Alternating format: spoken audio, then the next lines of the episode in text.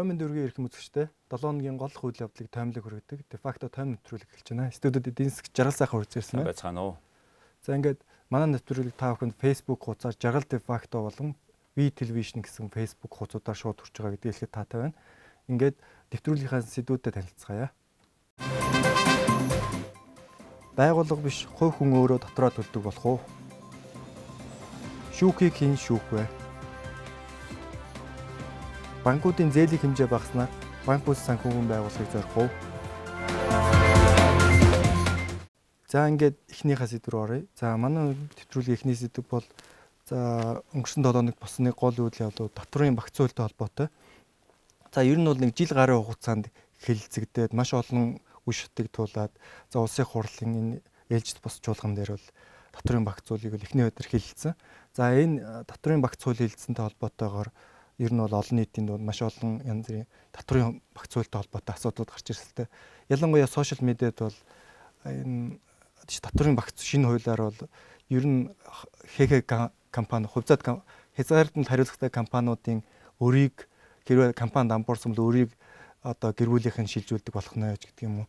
Альцвал ер нь бол за энэ 20 саяас дээш өртөө компани удирдлагуудыг бол гадагшаа гарах боломжгүй болгоно ч гэдэг юм уу. Иймэрхүү байдлаар олон янзаар хүмүүс татврын багц зүйлтэй холбоотой мэдээллүүд гарч исэн. Тэгээ энэ болгон яг үнэн үү, худлаа юу, яг ийм зохицуултууд орох ч үгүй юу гэдэг маш олон хүмүүсийн дунд эргэлзээ бий болчиход байна л да. Тэгэхээр энэ ер нь татврын багц зүйлийг ер нь ер нь яагаад яг одоо хэлсэж байгаа энэ тал дээр таны байр суурийг сонсгол. Энэ хуулийн бэлтгэлийг жилийн өмнө хангаад өгсөн байсан. Энэ хугацаанд бол уг нь тэр нэг хуулийн тухай хууль гэж байдаг шүү дээ. Тэрнийхэн дагуу судалгаа дүгнэлт хийгдсэн байх ёстой. Тэр аль зэрэг төвшөнд хийгдсэнийг бас дэлгэрэнгүй бид мэдэхгүй байна. За ерөнхий хуулийн шинжилсэн найруулга гэдэг юм. Татварын ер нь ерөнхий хууль гэж юу хэлээд байгаа юм гэж тийм ийм асуулт гарч иж байгаа биз. Тэгэхээр энэ ерөнхий гэдэг хууль нь юм юм байлээ. Эхлээд татварыг бий болгох, тогтоох, татвар төлөгчийг бүртгэх, татвар ногдуулах, түүнийг тайлагнах, төлөх, хянах, шалгах, хураах, хөнгөлөх, суудах нь тооцох, буцаан олгох гэсэн ийм эргэцэн үндсийн тогтоодог юм байна л да. Энэ бүх процессор нэг гэж. Энийг юм хууль хэрэгтэй байдаг юм байна. Тийм хууль манайд бий. За энэ хуулинд өөрчлөлт оруулж байгаа. Гэтэ бид нар ингээд татварын хууль гэдэг дандаа татвар авах тухай ярьдаг болчиход байгаа. Өө нэгэнд авсан юм шин тэрийг яах зарж байгаа юм, юунд зориулж байгаа юм гэдэг нь бас ямар нэг заалтуудаар нь холбож өгөхгүй бол тэгэл татварыг юу ч хамаагүй аваад хашаа хамаагүй зардаг ийм зарчмаар ерөнхийдөө явчаад их юм. Тэгээ ялангуяа жишээ нь тэр авсан татварыг орон нутагт нь яаж үлдээх вэ? Ийм зарчим байхгүй учраас зарим гишүүд Улаанбаатар хотоос 500 км-с аслагдсан байвал яах вэ? 1000 байвал яах вэ? 1500 байвал яах вэ гэж яриад шүү дээ. Тэгэхээр тэр нийсэд алслагдсан бол орлогын татвар нь их бага байна гэж яриад шүү. Тэгвэл аймгийн төвөөс ер нь аймагуудаар ярих юм уу, баруун зүүн бүс гэж ярих юм уу, бүсчсэн хөгжин энэ их тодорхой байхгүй бол одоо бүх хэмийг Улаанбаатараар хэмжээд эхлэх гэж шүү, тийм үү? За тийм учраас татварыг авах тухай хууль бол зөвхөн татварын хууль бол зөвхөн авах тухай биш ээ. Яаж зарцуулах тухай, тэрэнд иргэд яаж хянах тухай, хэдэн хувийн орон нутгт аймагт үлдсэн байх ёстой гэх мэт их нарийн асуудал. Тэрийг энэ энэ хуулинд ярьдгүү. Ерөнхий хууль гэж нэрсэн ч гэсэн. За дараагийн асуудал бол а ер нь аливаа татварын хууль баялагийг бүтээгчдийг дэмжиж байна уу үгүй юу гэдэг зорилго тавих болохоос биш. Тэднийг аль зэрэг одоо шууг нөгөө өдийн зумлахта хамгийн бага хашгируулж иж хамгийн их үд авах уралдаан биш шүү дээ энэ. Тэгэхээр ийм маягаар хараад байгаамаа. Тэгээд арай цөөн хашгируулсан арай их үд авах гэдэг ийм маягийн үйл ажиллагаа явагдаад байгаамаа. Тэгэхээр энэ татварын хууль эдийн засгийн ямар өөрчлөлт авчирч байна вэ? Үн цэнийг бүтээгч хувийн бизнесийг дэмжиж байна уу? Үгүй юу? Эсвэл саад болж гин үү? Ягаад гэвэл татвар өснө гэдэг бол хувийн компани үнэ өсөхийг чиглэж байгаа. Үнэ өсөхөөр яг үндэ татварын өсөлтийг тэр компани биш татвар төлөгч үйлчлүүлэгч төлж байгаа. Үйлчлүүлэгч бол тийм авсан юмнасаа үн цэнээс илүү юм төлөөд эхлэхээр тэр аль зэрэг удаан явах вэ гэдэг асуудал гарна. За дараагийн асуудал Монголд нэг гин биш бүр зам биш гин болцсон нэг зүйл болохоор зэрэг татварыг аль болохоор өндөр тавьчаад дараа хөнгөвчлөхийн төлөө уралдаж эхэлдэг. Янз бүрийн хөнгөлт. Энд энэ хөнгөлн, тэгтэн хөнгөлн, төдөн хуваар хөнгөлн гэдэг энэний энэ процессын зардал маш өндөр. Тэг хуулийг хэрэгжүүлэх, баталгаажуулах хэрэгтэй болно шүү дээ. Энэ процесс их өндөр байдгийг бас тооцох хэрэгтэй. Гэтэ энэ удаа өөрөө чинь хэлснээр тухайн татварын Монголын түүхэнд анх удаага жишээлбэл сангийн сайд нь юу хэлж ийнэ гэхдээ зэрэг бид иргэдийн хаан орлогын мэдээллийн системийн бүртгэлтэй болж улмаар хүн бүрт дугаар олгох бодлогыг барина гэж байгаа даа байхгүй. Ингэснээр иргэдийн орлогын төвшинг харгалзан тодорхой бага орлоготой иргэдийн төлсөн татварыг буцаан олгодог болно гэж. За энэ хуулийн бас нэг эерэг тал нь бол энэ удаа сангийн сайд анх удаа хэлж шít. Хувь хүн өөрөө орлогоо татвар төлдөг болдог. Хүн болгон өөрийн татвар төлөгчийн дугаартай болдог тийм. Тэгэхээр нэг хүнээс хичнээн хэмжээний татвар төлсөн бэ гэдэг нь тодорхой болно шүү дээ. Хөгжсөн орнууд тэгдэг. Тэгээ дараа нь тэр нийт авсан тэр хүний өгөх ёстой татвараас одоо орлогын төвшнгөөс хамаарат буцааж хөнгөлт олгоно гэдэг энэ их чухал санааг ярьж ин лээ гэхдээ дөнгөж эхлэн гэж ярьж л. Тэгэхээр ингэснээр бол хэн татвар төлж байгаа. Тэгээ татвар төлсөн хүн хинээс юу шаардах мэдж байгаа байхгүй хэдэн төгрөгийн татвар төлсөн. А өнөөдөр ажилчин хүн хэдэн төгрөгийн татвар төлөөд байгаагаа ойлгодгүй цалингаа нэмэлт гэж шаардаад байдаг. Энэ бүхний үр дүнд ийм ер нь нэгэд би тийм их мөнгө өгсөн юм чинь тэрийг одоо хаана явж ингэж нийгмийн оролцоо ардчны суурь нь бэхжихгүй байгаатай холбоотой. Миний санаж байгаагаар 3 4 жилийн өмнө бас татврын багц хуулийг өөрчилж исэн. Ер нь бол тодорхой хэмжээгээр өөрчлөлтүүд орж исэн. Энэ жил энэ удаа бас дахиад ингээд татврын багц хууль дээр өөрчлөлт орж ийн гэдэг маань ер нь манай улсын энэ эдийн засгт голох үүрэгтэй ийм хууль яг иймэрхүү хугацаанд давтамжтайгаар өөрчлөгдөд байх нь хэр зөв зүйл юм бэ? Тэгэхээр төрийн зардлыг татвараар одоо даадаг тийм. Тийм учраас төрийн хэмжээ тэр шаардлага нь их баг болохоос хамаарал энэ хуулийг өөрчилж байгаа. За тэгэхээр улс орнууд төр засгийн солигдоод энэ сонгуультай орнууд голдуу 4 жил тутмын циклээр яваад шүү дээ. Шинэ ахин сонгогдсон ч гэсэн тэр татварын шинэ бодлого гаргаж байна. Байдал нөхцөл өөр болчтой. Эдийн засгийн ялангуяа жишээлбэл Монгол шиг ийм уул уурхайгаас хамааралтай хөгжиж байгаа орны эдийн засаг нь уул уурхайн нэг орлого нь уул уурхайн барааны үнний циклээс хамаардаг. Тийм учраас хэрвээ их байх үед нь бид мөнгөө тусад нь хадгалаад тэр сан ман байгуулаа тий. Дараа нь бага байх үед нөхөө явъя гэдэг онлыг бид ярьдаг хийдэг, ярьдаг, хилдэг боловч хууль хүртэл гаргасан боловч тэрийг хэрэгжүүлдэг. Инээс улбаалаад зардлаа хаахын тулд ахаал татвараа нэмдэг. Харамсалтай татвар нэмнэ гэдэг бол энэ газар нэмж байгаа бол нөгөө татвар төлөх ёстой хүмүүсийн хувьдаа зарцуулах байсан тэр мөнгө хасагдж байна л гэсэн үг. Тэгээд татвар төлөгчдийн бизнесээ тэрих мөнгө нь ийшээгээ явж байна гэсэн үг. А тэгээд энд ирсэн хойноо зөв гарт орж үгүй юу гэдэг бол өөр асуудал болчихно шүү. Тэгэхээр за яг энэ татврын багц хуультай холбоотойгоор за ялангуяа хамгийн гол одоо татвар төлдөг бизнес эрхлэгчдийн зүгээс ер нь бол энэ хууль дээр за магадгүй хамгийн анх анхаарал тавих хэрэгтэй хэсэг нь энэ хаана вэ гэж таарж байна. За яг бид бос орнууд public service announcement гэж хийдэг юм лээ. Тэр нь болохоор яг тухайн одоо хуультай холбоотой анхаарах хэрэгтэй зүйл энэ одоо олон нийтийн лизер хэлээ. Тэгээд иргэдэн буцаагаад одоо төрийн түвшээдтэй ханддаг ч юм уу те. Энийг өөрчлөөч гэдэг нэг иймэрхүү процесс явдаг. Яг бид ардчилсан орн болохоор хууль гаргахдаа бас энэ ил тод нээлттэй байх, олон нийтийн оролцоог хангах, ашиг сонирхлын зөрчлөөс ангид байх, судалгаа шинжилгээнд үндэслэсэн байх гэсэн дөрвөн зарчмыг барьдаг гэж хууль тогтоомжийн тухай хууль гэж баталсан шүү дээ. 10 15 оны 5 дугаар сарын 29-нд ийм их чухал хуулийг баталсан. За батлахныг хэрэгжүүлэх өөр хэрэг. Тэгээ энэ судалгаа шинжилгээнд үндэслэсэн байх гэсэн тэр одоо тим тим байгууллагын хийсэн судалгаагаар үзэхэд энэ одоо энэ татварын өөрчлөлт ингэж ингэж нөлөөлж байна. Үр дагавар нь ийм байна. Ийм зардалтай болох нэ энэ гэсэн тэр хэсэг нь нийтэд яригдахгүй байгааг ярих байгаа анхаар татж байна. А ер нь төр өөр асууж байна. Тэр бизнесийн хүмүүс юунд анхаарах вэ гэж. Бизнесийн хүмүүсийн төлж байгаа татвартаа онцгой анхаарч татварын хуулийг өөрчлөх тусмад идэвхтэй оролцох хэрэгтэй. Ягаад гэвэл яг явж явж хамгийн хамгийн явж явж хамгийн сүүлийн хамгийн том татварыг бизнес төлдөг. Янз бүрийн хэлбэрээр орлогын, бизнесийн, ашигын тий. Одоо юу гэдэг нөгөө нөөт тий юу даатгалын эрүүл мэндийн даатгал гэх мэтэр. Тэгэхээр ер нь яагаад татвар авах хэрэгтэй юм бэ гэдгийг иргэд дахиад нэг бодох хэрэгтэй. Яагаад гэвэл бид төрийн үйл ажиллагааг санхүүжүүлэх гэж л татвар авч байгаа. Тэгээд төр тэгвэл ямар үүрэгтэй юм бэ? Юу хийх ёстойг нь бид санхүүжүүлэх ёстой юм? Юу хийхийг бид санхүүжүүлэхгүй байх ёстой юм бэ гэдгийг иргэн бүр татвар төлөгч бол өөрөөс асуух хэрэгтэй. Дахиад хэлэхэд төр болбол ердөөсө гурван зүйлийг хамгаалах үндсэн үүрэгтэй. Тэр бол хүний аюулгүй байдал, эрх ба эрх чөлөө, өмчийг хамгаалах явдал. Энэ бүхнийг л хамгаалахын тулд ийм татвар хэрэгтэй. Аа тэгээд мөн энэ энэ бүхнийг хуулийн дагуу хамгаалах ёстой. Энэ хуулиа бид нар гаргах одоо биелүүлэх гаргах их хурлын зардал байна тийм ээ. Биелүүлэх засгийн газрын зардал байна. Хянах шүүх тийм сахиулахтай холбоотой тий. Сахиулах гэж enforcement буюу тэр шүүх шийдвэр гүйцэтгэх байгууллага тий хэрэгжүүлэх. Энэтэй холбоотой зардлыг нийгмийн хэв журмыг зохицуулах зардлыг л бид татвараар санхүүжүүлэх ёстой. А мэдээж бас зарим нийгмийн асуудлууд байгаа.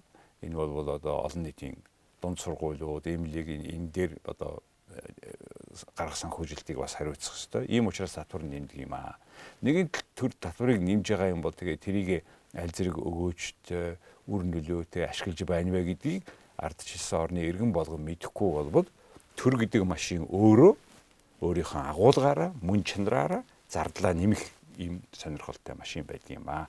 Тэм учраас зардлыг нэмэхийг бол үндсэн хуулийн зааж өгөх хэрэгтэй. Тодорхой зардлуудыг хурлын гишүүдийн 4-ний 3-аас дээшхийн саналаар зардлыг өөрчлөнө энэ гэсэн заалтыг парламентийн нэг улс төртэй оронд заавал байдаг гэдгийг энэ тухай бид нар ярихгүй байгаа шүү. Ер нь бол энэ дээрээ бид иргэд анхаарах хэрэгтэй гэдгийг л дахин давтан энэ удаадаа бид хэлэх хэрэгтэй гэж бодож байна. За ингээд нэвтрүүлгийнхаа хоёр дахь сэдвээр оръё.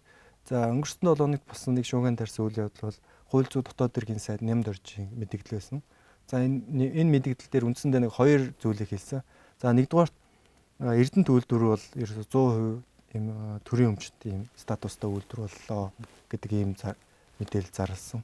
За яг энэний цаана ямар утгатай мэдгдэл хийчихв гэдгийг нь бол бас тэр болгон хүмүүсээ ойлгоогүй. А хоёрдугаарт зоргийг хэрэгтэй холбоотой гурван хүнийг бол шүүхээр ялсан. Тэгээ энэ гурван хүнээс хоёр хүн нь бол хүний нь бол одоо ямар нэг мэл эрүү шүүд эрүүдэн шүүсэн байсан. Шүүдэн шүүсэн байсан. Тийм учраас уучлалт гуйж гинэ гэж мэдгдсэн байлээ. Тэгээ энэ дээр бас бас нэг анхаарал татсан мэдгдэл бол ер нь бол энэ Монголд энэ мап гэж байх уу байхгүй юу гэдэг ийм чухал асуудлын шийдэл төр байна гэж бас юм мэдгдлийг хууль зүйн сайд хийсэн байна л да. Тэгэхээр зүгээр ер нь аа засгийн газраа Эрдэнэ төлөвдрийн тухай засгийн газраас Эрдэнэ төлөвдрийг 100% төрийн өмчт болгочлоо гэдэг энэ статусыг гаргасан ер нь яг ямар утгатай мэдгдэл хийч вэ энэ тал дээр. За хоёр чухал мэдгдэл болсон. За эхлээд юу тэр маф гэдэг утгаараа хэрвээ ийм гимт хэргийн шин чанартай зүйлүүд хууль хүчний байгууллагууд нь орсон бол энийг мафи болсон гэж шивэ солонгост үздэг юм байна л да. Шүү хүчний байгууллагуудынхаа дэмжигтэйгээр энэ бүх үйл явдлууд хэвийн болоод яваад байгаа бол тэгэхээр манайд тийм үйл явдал бий болжээ гэж одоо хин энэ хууль зүйн сайд чинь үзэж хэлж штэ. За хууль зүйн сайд хоёр чухал мэдээлэл хийсэн. Нэгдүгээрх нь бол энэ засгийн газраас Монгол Рос Цэвэт мэд Эрдэнэт үйлдвэрийг улсын үйлдвэр болгох шийдвэр гаргасан гэдгээ хэлсэн. За тэгэхээр улс улсын үйлдвэр болохоор даргын солино гэж хэлсэн. Нэг хүний Бадам сүрэн гэдэг хүний оронд Хэрлэн гэдэг хүн 50 акс яриач явж исэн. За мөн энэ 49% асуудлаар хоёр юм хийсэн. Гэхдээ Эрдэнэтийн 49-ийг тэр авсан талаар Тэгээ энэ Эрдэнэтийн үйлдвэрийн 49% худалдан авсан асуудлыг улсыг хурал цэц хоёр гэж байгаа. Бүрийн шалгаад энийг шүүхэд шилжүүлсэн. Тэгээ улсын хурал шийдвэрээ бол гаргасан шүү гэж хэлж байгаа. А мөн улсын мөнгөөр 400 сая доллар гаргаад энийг худалдаж авсан гэж хэлсэн. За мөн сүүлийн үед нямд орж байгаа энэ худалдаа хөгжлийн банкны одоо энэ ер нь дандаа юм улсын мөнгөөр улсын юмыг аваад байдаг ийм гимтэй болчлоо гэж хэлж байгаа юм. Тэгээ мань нэмд байгаа бас юу гэж хэлсэн гэхээр 27 тэрбумаар боссон энэ худалдаа хөгжлийн банкны байшин биш үү? Тэрнийхэн зөвхөн хоёр давхрын гэтэл улсын хөгжлийн банкнд өгсөн байна. 27 тэрбумаар. Мөн өөрсдөө 9% нь эзэмшдэг Milk гэж компанид өөр нэг давхрын 13 тэрбумаар гэсэн би сонссон өгсөн баг. Өгсөн гэж. Тэгэхээр улсын мөнгөөр улсын юмыг худалдаж аваад хамраад идэг банк уу. За энийг бол Монгол улсын хууль зүйн сайд чинь хэлж байгаа шүү. Гудамжинд нэг хүн хэлийг. Эний үнэн мөнийг энэ шүүхэн тодруулж өгөх хэрэгтэй. Үнэн бол бол ийм ийм хариуцлага байж болохгүй. Бидний мөнгөөр бидний юмыг худалдаад аваад иж болохгүй. Худлаа юм бол энэ шүү хууль зүйн сайдаа шүүхэд өгөөч. Худлаа яриад байгаа хүн юм бол энэ хоёрынхаа нэг тийшээ болохгүй Монгол улс үнэхээр бид одоо юм уучраа олохоо байлаа шүү. За хоёр дахь чухал мэдээлэл. Энэ маш ноцтой мэдээлэл. Монгол улсын шүүх хүнийг ирүүдээд мөрдөн байцаагч. Хүнийг хийгээгүй гэмт хэргийн тохоод байж байна гэж хууль зүйн сайт чи хэлж байна шүү. 37 хонд хичнээн олон арайл мэдээлэл мэдлэлтэй боловсролтой хүмүүсээ би тэгж алсан хэрвээ энэ ийм байгаа болбол энийг би прокурор тандж хэлж байгаа юм. Монгол улсын прокурор болбол шүүхийн хэргийг бүртгэдэг мөрдөн байцаах үед ажиллагаанд хяналт тавьдаг газар аа. Та ажиллаа хийж чадахгүй байх шүү. Таны хизээ томилсон юу та хэн байхаас үл хамааран энгийн номхон Монголын хоёр иргэнийг ийм маягаар шүүж байгаа шүүхийн тогтолцоогоо та хянч чадахгүй бол та болон тантай холбоотой бүх этгээдүүдийн шүүх энэ бүх хүмүүс солигдох ёстой бид яргачтай ийм яргалдаг хүмүүстэй цуг амьдрмааргүй байна. Тэр цаг хугацаа өнгөрцөн гэдгийг дахиж хэлмээр байна. Аа тэгээд хин юмд орж байгаа нэг онцлог нь бол системийн өөрчлөлт хийнэ гэж хэлээд байгаа байхгүй. Үнэхээр Монгол улсад ийм маягийн шүүх цагдаа байгаа. Тэрийг мөрдөж байгаа, тэрийг хянах ёстой прокурор нь ийм маягаар энгийн иргэдийг эрүүдийн шүүж байгаа бол энэ бүхнийг үндэс суурьаар нь солих ёстой сольж чадахгүй энэ хоёр намыг хоёулангийн солих ёстой. Тэг гэж бид энэ ардчил эрхчлөө гэдгийг шин бий болгосон юм аа. Энэ сонголтыг Монголын ард түмэн хийн. 2020 оноос өмнө та бүхэн энийг учрыг олох хэрэгтэй. Олохгүй та хоёрын энэ хоёр намын учрыг Монголын ард түмэн олох ёстой. Өөр сонголт байхгүй. Бид ингэж амьдрч болохгүй. Бидний өнөөдөр тэр хоёр хүний ээлж болоод хэлмэгдээд эрүүдүүдийн шүүхт ороо шорон сууж байгаа. А маргааш та бид нарыг хэний ч ээлжиж мэдх юм аа бид ийм улс төр ийм ардчсан системийг ийм ардчсан нэртэй системийг бид өөрчлөх ёстой. Ялангуяа энэ хууль шүүхийн байгууллагуудыг. Тэгэхээр энэ дээр зүгээр нэг ийм асуулт гарч ийн л та. За 100% төрөмжт компани болчлоо гэдэг маань за Монголын засгийн газраас Mongolia Copper Corporation компанитай хилцээр хийсэн байна гэж ойлгохдохоор байна л да. Тэр ийм хилцээр болсон уу? Энэ а яг тэр одоо би бол асуудал улсын мөнгөөр улсын юмыг аваад хамаг хөрөнгөний худалдаж явж байна гэдэг хууль зүйн сайдын юмыг ярьж шít. А тэгээ яг яг одоо энэ хөрөнгөтэй өмчтэй холбоотой зүйлийг ингээд шүүхээрээ шийгээд явах ёстой шүү дээ тий. Гэтэл засгийн газрын хур нь өөрсдөө шийдээд шүү дээ. Хойшлуулшгүй юм гэж а гэж хэлж байгаа нэг талаас. За нөгөө талаасаа нөгөө шүүх нь бол энийг тавьсан хүсэлтийг хүлээж авахгүй удаа. Тэгээ өнөөдөр яг үүндээ том агуулгаараа харах юм бол Монголын шүүхийн биш Монголын төрийн гурван засаглалын хооронд дайн хийсэн шүү. Шүүх засаглал гүйс тогтоох засаглал гүйс засаглал. За энэ тэгээд заримдаа ерөнхийлөгч нь аль талд нь ер нь ерөнхийлөгч гой аль талд нь ороод байгаа ердөөс хэлэхгүй байгаа байхгүй бас. Сонин? Ийм юм болоод идэг хоёр иргэний чинь ирүүдийн шүүгээ тамлаад ингээ хувийн хэрэг хөгжүүлчихэд идэг тийм хуулийн системтэй тийм нөгөө хяндаг прокурор нь юм байгаа газар тэгээд одоо энэ үнэхэр улсын хөрөнгийг нэг өнхөр улсын хөрөнгөөр нэгээд аваад байгаа юм уу энэ бүхэндээ ноён ерөнхийлөгч та дагуурах юм байгаа биз та ч одоо бэлэг тэмдгийн илрэл шүү дээ. Тэгээд одоо тэгээд ингээд хэрүүлдүүлээ суулгаад байх юм уу? Хилцүүлэх юм уу? Энийг одоо ноён ерөнхийлөгч бушуухан санал бодлоо хэлэх хэрэгтэй гэж бодож байна.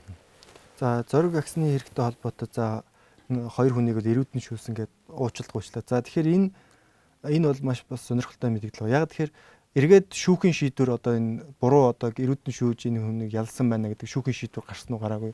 Гараагүй багт нь засгийн газар за хууль зүйн яамны зүгээс ийм мэдээлэл хийж байгаа юм хийж байна гэдэг. За тэгэхээр энэ хоёр засаглалын хоорондын асуудал. Тийм л дээ. Гэхдээ энийг ч одоо би гараад ярьчаагүй шүү дээ. Монгол улсын хууль зүйн яамны чинь сайд нь гараад ярьж байгаа учраас факт. Эсвэл тэр хүнийг буруу ярьж игээд маш хурдан шорондоо хий. Ашгүй энэ хүний хэлж байгаа юм үнэн гэж үзээд иргэд бид нар үнэн зөвийг шаардах. Ийм л айл болгоны өмнө Яг тэгвэл энийг хүн болгон одоо нийгэм энийг тэр чигээрээ шаардахгүй бол дараагийнх нь та би хэний таны танай хүү хэний ч яаж чадах гэж. Бид энэ системээс ч арилах гэж болох гэж хичнээн жил явсан. 30 жилийн өмнө албан ёсоо ди юрэ бол салсан. А де факто салаагүй дээ дараа нь. Хин хизээ хизээ яаж баригдахыг бид одоо яаж мэдэх юм бэ? Ингиж айц хүйцэд амьдрмааргүй шүү. Хитгэн хүмүүсээс болоод. Тэгээ энэ хүмүүстэйгээ хариуцлага тооцдог байх хэрэгтэй. Тэгээ энэ хоёр нам нь чадахгүй бол хоёр намтай тооцоол тэгээд түүх урагшаа явах хэрэгтэй шүү. За. За ингээд манай нэвтрүүлгийн 3 дахь сэдвээр орцгоё. За Монгол банкны мөнгөний бодлогын хороо гэж байгаа. За энэ бодлогын хорооноос өнгөрсөн 7 хоногт хуралдаад бодлогын хүүг бол 11% дээр нь хിവэр байлгахаар ийм шийдвэр гарсан. Гэхдээ бас нэг сонирхолтой шийдвэр гарсан нь банкуудын олгох хэрэглээний зээлийн өөр орлогын харилцааны дээд хязгаарыг 60% болголоо. За өмнө нь бол энэ онд 70% болгохаар тогтоож исэн байна. Тэгэхээр за энэ шийдвэр нь сонирхолтой. За нэгдүгээрт ер нь яагаад бодлогын хүүг хэвээр үлдээч вэ? Энэний шалтгаан юу юм бэ гэдэг. Монгол банк хэцүү байдалд байгаа юм. Бодлогын хүү гэдэг бол арилжааны банкуд зээл өгөхийн оронд Монгол банк руу шилжүүлсэн мөнгөө ямар хэмжээгээр хоногт жилийн 11 хувиар тооцож ашиг авах нь шүү. Гэтэл арилжааны банкын хадгаламжийн хүн өөрөө 13 4% байна. За өгж байгаа зээлийнх нь хүү одоо 18 9 байгаа тийм. Энэ хоёрын хоорондох ашиг хийж байгаа шүү дээ 4 5% дээр. За гэтэл одоо ерөнхийдөө бол баг 20 шхуу хүүгээр хувийн хүүтэйгээр зээл аваад босоод ирдэг бизнес бол ерөн цөөхөн тийм. Тэр нь ингээд юугаар илэрч яах гэхээр зэрэг нэг хувийн компаниуд чинь дампуураад шүү. Тэгээд ажилгүй болохоор ажилчид чинь үе төмөрөө гадагшаа яваад шүү Солонгос явах гээд тэнд 46 мянган хүн байдаг. Сар 30 мянган хүн орж идэг шүү болчиход шүү тэнд. Тэгэхээр ийм нөхцөлд яагаад Монгол банкны хадгал энэ юуны бодлогынх нь хүү 11 дээр очиод доошоо болгож чадахгүй байна вэ гэвэл инфляц 7% дээр байна. За инфляц дээр инфляц гэж нэг тийм юмны үн нэмэгдээд шүү дээ. Энэ яагаад нэмэгдээд байгаа вэ гэдгийг бас мэдэх ёстой. Тэр нь Монгол банкнаас хамаарахгүйгээр нэмэгдээд байгаа. Тэгэхээр ийм нөхцөлд хүмүүс нэгэнт нөгөө хадгалуулсан мөнгө нь хадгалуулсан мөнгө нь инфляциас илүү айлахгүй юм бол мөнгө хадгалах сонирхолгүй болчих шин. Чи материалыг юм болгох чинь хамаа алтч хамаагүй болохыг болно шүү дээ. Тэгэхээр 12 3% хүүтэй банк нүгөө суугаад байгаа байхгүй. Тэр нь 7 8 инфляциас нэг 4 5% илүү байгаа учраас тэрэн дээр суугаад тэр хүн мэдж байгаа шүү дээ. Нэг жилийн дараа үнэ хэрэгтэй маань хүний бодит үн хүүн болохоор зэрэг 14-өөс хасах нь инфляц буюу 7% хасаад 7%-аар л мөнгө нь өсөж байгаа байхгүй манай хүний. Тий тэгэхээр энэ бол бодиттой үйл явдал. За энээс чин гадна өөр нэг нөлөөж байгаа зүйл бол хувь хүний хадгаламжаас гадна банкны актив дээр маш их олон улсын төслүүдийн явуулж байгаа үйл ажиллагаа улсын худалдан авалт явагдаад байна шүү дээ. Тэгээ энэ бүхэн чинь аль зэрэг эдийн засгт нөлөөлж байна гэдгээс хамаарат энэ банкны хүүг тийм олон факторыг тооцож тогтоодог. Тэгээ буурууж чадахгүй байгаамаа. Уг нь бол банкны хүү жишээлбэл 5% байсан бол бодлогын хүү тэгвэл инфляцийг 2% гэсэн үг байхгүй юу. Тэгвэл яавал бид инфляцийг 2% дээр байлгаж болох вэ гэдэг бодлогыг гаргах хэрэгтэй байхгүй. Тийм учраас эдгээр бодлогын хүүг бол тийм хурдан хүснээрээ одоо хэр мөрөөдөрөө болдог бол дороо бууруулчихна л. Тэгээ тэр чи яг энэ тооцоонуудыг олон хүчин зүйлүүдийг факторуудыг тооцдог мэрэгжлийн хүмүүс сууж байгаа учраас тодорхой модель гаргаад за тэгээ энэс илүү явж болохгүй маа гэж яриад нь шүү дээ. Тэгэхээр за энэ хоёр дахь асуудал байна л да. Хэрэглээний зээлийн өөр одоо орлогын харьцааг дээд хязгаарыг 60% болголоо гэж ийм шиг. Энэ их чухал шийдвэр. Энэ эдийн засгийн ашнал. Их том л байна. Яг тэгвэл энэ хувь хүн дээр хувь хүний хэрэглээ хүний хэрэглээ гэдэг ярьж байгаа. Би зээл аваад тэгээд миний нөгөө зээлийнхаа төлбөрт өгж байгаа мөнгө тэрэн дээр дунджаар тооцож байгаа бах нийт нөгөө зээлийн авсан үнэ хуваагаа сардаа хуваагаад дараа нь нөгөө хүүгийн нэмээд миний сард өгж байгаа төлбөр болбол миний бүх нийж байгаа орлогын 70%-аас доош байгаарай гэж 2 3 сарын өмнө ярьсан. Одоо 60%-аас доош байгаарай гэж байгаа хгүй. Яагаад? Яагаад гэвэл би миний 60% бүх миний олсон орлогын 60% нь байр руу явчихж байгаа. Тэгээ наад 40% нь нөгөө миний наад зохион ойр зүүн хэрэгцээ рүү явна шүү дээ. Тэгэхээр энэ хэрэгцээ буюу энэ дундаж ахын хэрэглээний зардал нь өндөр байх тусмаа эдийн засагт ашигтай.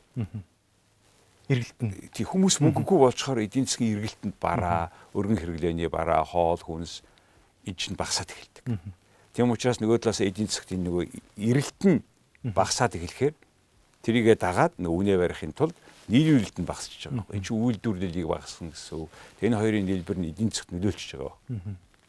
Тэгээ энэ утгаараа хүмүүс ингээд ганцхан төрөлд банкараа 60% нь банкараа дамжаад хэрэглээнд явна гэсэн үг л дээ зээл мэл нь. Тэгээ тэр нь удаан процесс байна. А энэ наадлын 40% чи яг өнөөдрийн манай эдийн засгт манай гудамжны манай хотын яг ойр зуурын хэрэглээнд чинь зарцуулж байгаа мөнгө энэ шүү дээ. Тэгээд энэ ипотекийн зээл олон хүнийг хамрах тусмаа. Тэгээд тэр бүх зард нь 40% нийшээ явж байгаа бол тэгээд ийм өндөр үнээр явж байгаа бол эдийн засгт сөрөг нөлөөтэй гэдэг учраас бид нар ийм шийдвэр гаргаж байгаамаа. Энийг бол зөв шийдвэр байсан гэж таарж байна уу? Үгүй өөр сонголтгүй. Өөр сонголтгүй. Яагаад гэвэл өшөө багасгахгүй өшөө багасгахаар бас а ер нь бол ипотекийн зээлийг төв банкны эдийн захирал хавгсрын гэдэг хүн одоо олохгүй шүү гэж хэлсэн шүү дээ. Одоо энийг улс руу шилжих ёстой гэж. Яагаад? Яагаад гэвэл энэ тасралтгүй үргэлжлэх болох тийм тийм үл гүйцэлдэх төсөл байсан л да. Хамаагүй хямдхан мөнгө хөвлж өгөөд тэгээ дараа нь зөрөөг нь ерөнхийдөө энэ юу гэсэн үг гэхээр нэг мянган хүн байлаа гэхэд байранд орсон хүмүүс. Байранд орсон. Мянган хүн байлаа гэхэд бид нар 100 хүндээ нөгөө 990 900 мянган 900 хүн нь 100 хүндээ байр авч өгч байгаа байна. Яг л энэ 900 хүн ч өөртөө байрг байгаа байхгүй. А тэрийг хүчээр татвараар аваад энэ шигээ нөгөө авсан зээлийнх нь. Тэгэхээр ер нь энэний цаана банкны биш барилгын үн буурахгүй байгаагийн гол шалтгаан чинь шүү дээ. Ипотекийн зээл амьд байгаа учраас ингэ яваад байгаа. Одоо бол нөгөө нэг цаад түрүүнд нь авсан хүмүүсийнх нь төлсөн мөнгөний хэмжээгээр нэг жоохон явна уу гэх биш. А өөрөөр бол энэ зээл явж болохгүй. А энэ барилгын компаниуд ч гэсэн энийг ингээд тасралтгүй ипотек зээл явна гэж аргалах гээд байх шаардлагагүй. Үнэ бууруулах хэрэгтэй. Банкуд ч гэсэн өөрийнхөө нөгөө барьцаалж автсан барилгын компаниудын бүтцийн өөрчлөлтийг хийх хэрэгтэй. Тэгээ нэг тасаа үнэн буурах ёстой. Ер нь бол яг нөгөө 200 мянган 170 мянган байр хэрэгтэй хүнийхээ шаардлагад нийцсэн байшингууд тэдний оролцоотойгоор барихгүйгээр энэ асуудал удаан үржихгүй бид нар нэлээд олон тэрбум төгрөгөө энэ барьсан байшингууд аваач төгжчихсэн. Цаашаач биш наашаач биш борлогдогчгүй. Энэ дотор зөндөө олон хүний тодны гадны хүмүүсийн хөрөнгө оруулалт байгаа. Тэгээ энэ гацаанаасаа гарах. Яг тийм амархан гарахгүй. Мэдээ зарим хүмүүст нэлээд өвдөж л таарна алдаа хөрөнгө оруулалтын зохицуул. Ер нь энэ бүхний цаанд бас ахаад л их том авилга байгаа юм л да. Энэ орионуудыг газрыг авах энэ төр чинь улс төрчдийг баяжуулсан үйл явдал. Жишээвэл хамгийн тод жишээ нь Ярамгийн газруудыг хинд өгснийгөө улсын баатар Батүр гойч гэсэн айгаад байгаа болохоор маний битэн бол баатар биш юм чинь айлгүй яах. Энэ хүмүүсийнхаа нэрсийг гаргаж ээж бодиттой үнний ер нь энэ барилгын чинь үний хэдэн хувийг хахуулдаа яваад байгаа гэдгийг мэдмээр байна шүү дээ. Энийг ингээд төр засаг та нар харсаар байтал ингээд нуугаад байж болохгүй дээ. Зардлын энэ хүүхдүүд төлж дээ. Утаагаараа хөрсний бохирдлороо энэ одоо гол юма ярихгүй ер нь бол гол гол юма бид ярихгүй байх шүү. Энэ хулгай авилгаа ярихгүй шийдэхгүй. Тэгээд нэг хоёр фядлыг нөгөө фядлаар нь сольсон маягаар тэгээд сонгуулаа сонгуулийн хооронд иргэдийн толгойг эргүүлээд их ноцтой юм болж байгаа гэдгийг л дор бүрнээ бид анзаарч өөр өөрсдийн шийдвэр гаргаж төр засгийг шудраг байхыг шаардахаас өөр сонголтгүй болчиход байгаа маа л гэж хэлэх хэрэгтэй. Тэгэхээр ер нь Монгол улсын төв банкнаас бол хэрэглээний зээлийг бол ингээд хумаад байна. Тэгэхээр энэ бол яг хэрэглэгч хэрэглэгч юм уу одоо эцсийн яг хувь иргэн дээр ямар хувь байдлаар нөлөөлөх үү гэдэг хэрэглээний үнэтэй зээлийг хумаад байгаа. Хэрэглээний үнэтэй зээлийг нэгдүгээр банкны шөхүү өөрөө өндөр. Өндөр маш өндөр. За хоёрдугаар ипотекийн хүчин бас л өндөрлөд байна 8% гэдэг чинь. Бусад оронд ипотекийн хэвийн явж байгаа ипотекийн зээл чинь 3 4 л байдаг. А тэр үед нөгөө алжааных нь банкных нь үнэн нэг зээл нь болохоор зэрэг нэг бас л тэр хавцаа эсвэл жоохон өндөр ч юм уу байдаг. Тэгэхээр би тийм төвшөнд очиагүй. Тэгээд ийм харьцангуй нөгөө зах зээлийн үнээсээ хоёр дахин бага ипотекийн зээл өгчхөр зах зээлийнх үнээс нөгөө үлдсэнийг нь төр засаг өр тавьж гадагшаага өр тавьж доллараар зээл аваад энийг нөхж байгаа байхгүй. Гэтэл өнөөдөр бид нар өөрсдөө гадагшаа гаргаж байгаа бүтээгдэхүүн маань их тийм үнцэн нэмсэн биш. Газраас ингээд ухаж аваад өгөөд байгаа уул уурхайн бүтээгдэхүүн учраас бидний доллараар олох орлого маань зөвхөн энэ хідний маань барааны үнээс хамаарат ш. За тэгээд ганцхан хөршөөс хамаар ганцхан худалдаа өгчөөс хамаарч байгаа. А хэрвээ бид эднэрээс хамаарахгүйгээр юм үйлдвэрлэдэг байсан бол экспорт доллар олдог байсан бол төгрөг биш доллар олдог байсан бол бид нарын нөгөө төгрөгийн маань чадвар буурахгүй байхгүй. Тэгээ өнөөдөр нөгөө доллараар авч зээл өгөж гадагшаа доллар төлөөд наана одоо дотоодоо бүр одоо тэр бонд гаргаж тий засгийн газар чинь бонд гаргаад дотоодынхон зах зээл дээр 17 8% хүүтэй зарцсан шүү дээ. Одоо зарим нь чивэл хөдөлгөөн хөгжлийн банкн дээр 1 тэрбум долларын засгийн газрын бонд байгаа гэдэг чинь тэр л дээ. Хөдөлгөөн хөгжлийн банкнд өөрөөсөө тэр чинь нэг том гавьяач биш л дээ. Өөрөөсөө нь ашигтай байхгүй. Тэгвэл манай хүн цээл өгсөн шиг адилхан юм засгийн газраас авч засгийн газар чинь дампуурахгүй шүү дээ. Ядаж мөнгө хөвлөд өгч чинь. Тэгэхээр ийм нөхцөлд бид энэ эдийн засгийн хаан учир начрыг их зөв ойлгож, бүтээж, оролцож, өрсөлдөж энэ үнцнийг бий болгоод тэгээ тэрнээсээ татвар төлж явах юм бол энэ юм чинь хим химжээгээ бариад явах юм аа. Харин бүх юм харьцаатай шүү дээ. Яг энэ харьцаагаа амьдаар нь бариад явах юм бол эдийн засаг хөгжих юм аа. Бид маш олон харьцаа алдчихад байна дэндүү том төр засагтай болчлоо. Тэр нь маш их хөрөнд орчлоо. Тэгээ төр засгийн нөгөө том энэ боломжийг чинь бий хүмүүс завших боломжийг төр засагч олгоод шүү дээ. Тэгээ энийгээ бас болох хэрэгтэй шүү дээ. Ер нь энэ бүхний чинь цаана хөдөлгөөн хөгжлийн банкны зав бурууч гэдэг юм байхгүй. Хин нэг нь хэрвээ ийм л ашиг байгаа бол төрийн мөнгөөр төрийн юм хийж болж байгаа хийж хийгээл явчих. Хүний шуналж хязгааргүй шүү дээ. Юм учраас манай бол зөвхөн нэг л ирэл нь байхгүй. Одоо бид бид нар мэдж байгаа илэрнэ байхгүй. Мэдхгүй байгаа хөдөлгөөн хөгжлийн банк дүүрэн баг шүү. Энийг бас тооцох хэрэгтэй. За ингээд манай нэвтрүүлгийн цаг дууссан байна. Анхаарлаа хандуулсан үзэгч таах нь маш баярлалаа. Баярлалаа. Манай нэвтрүүлэг мөн Орос, Англи хэлээр явдаг. Тэгээд Facebook-аар маргаашаас эхлээд бас дахин үзэж YouTube-аар дахин үзэх боломжтой. Их баярлалаа. Дараагийн 7 хоногт уулзтлаа. Баяртай.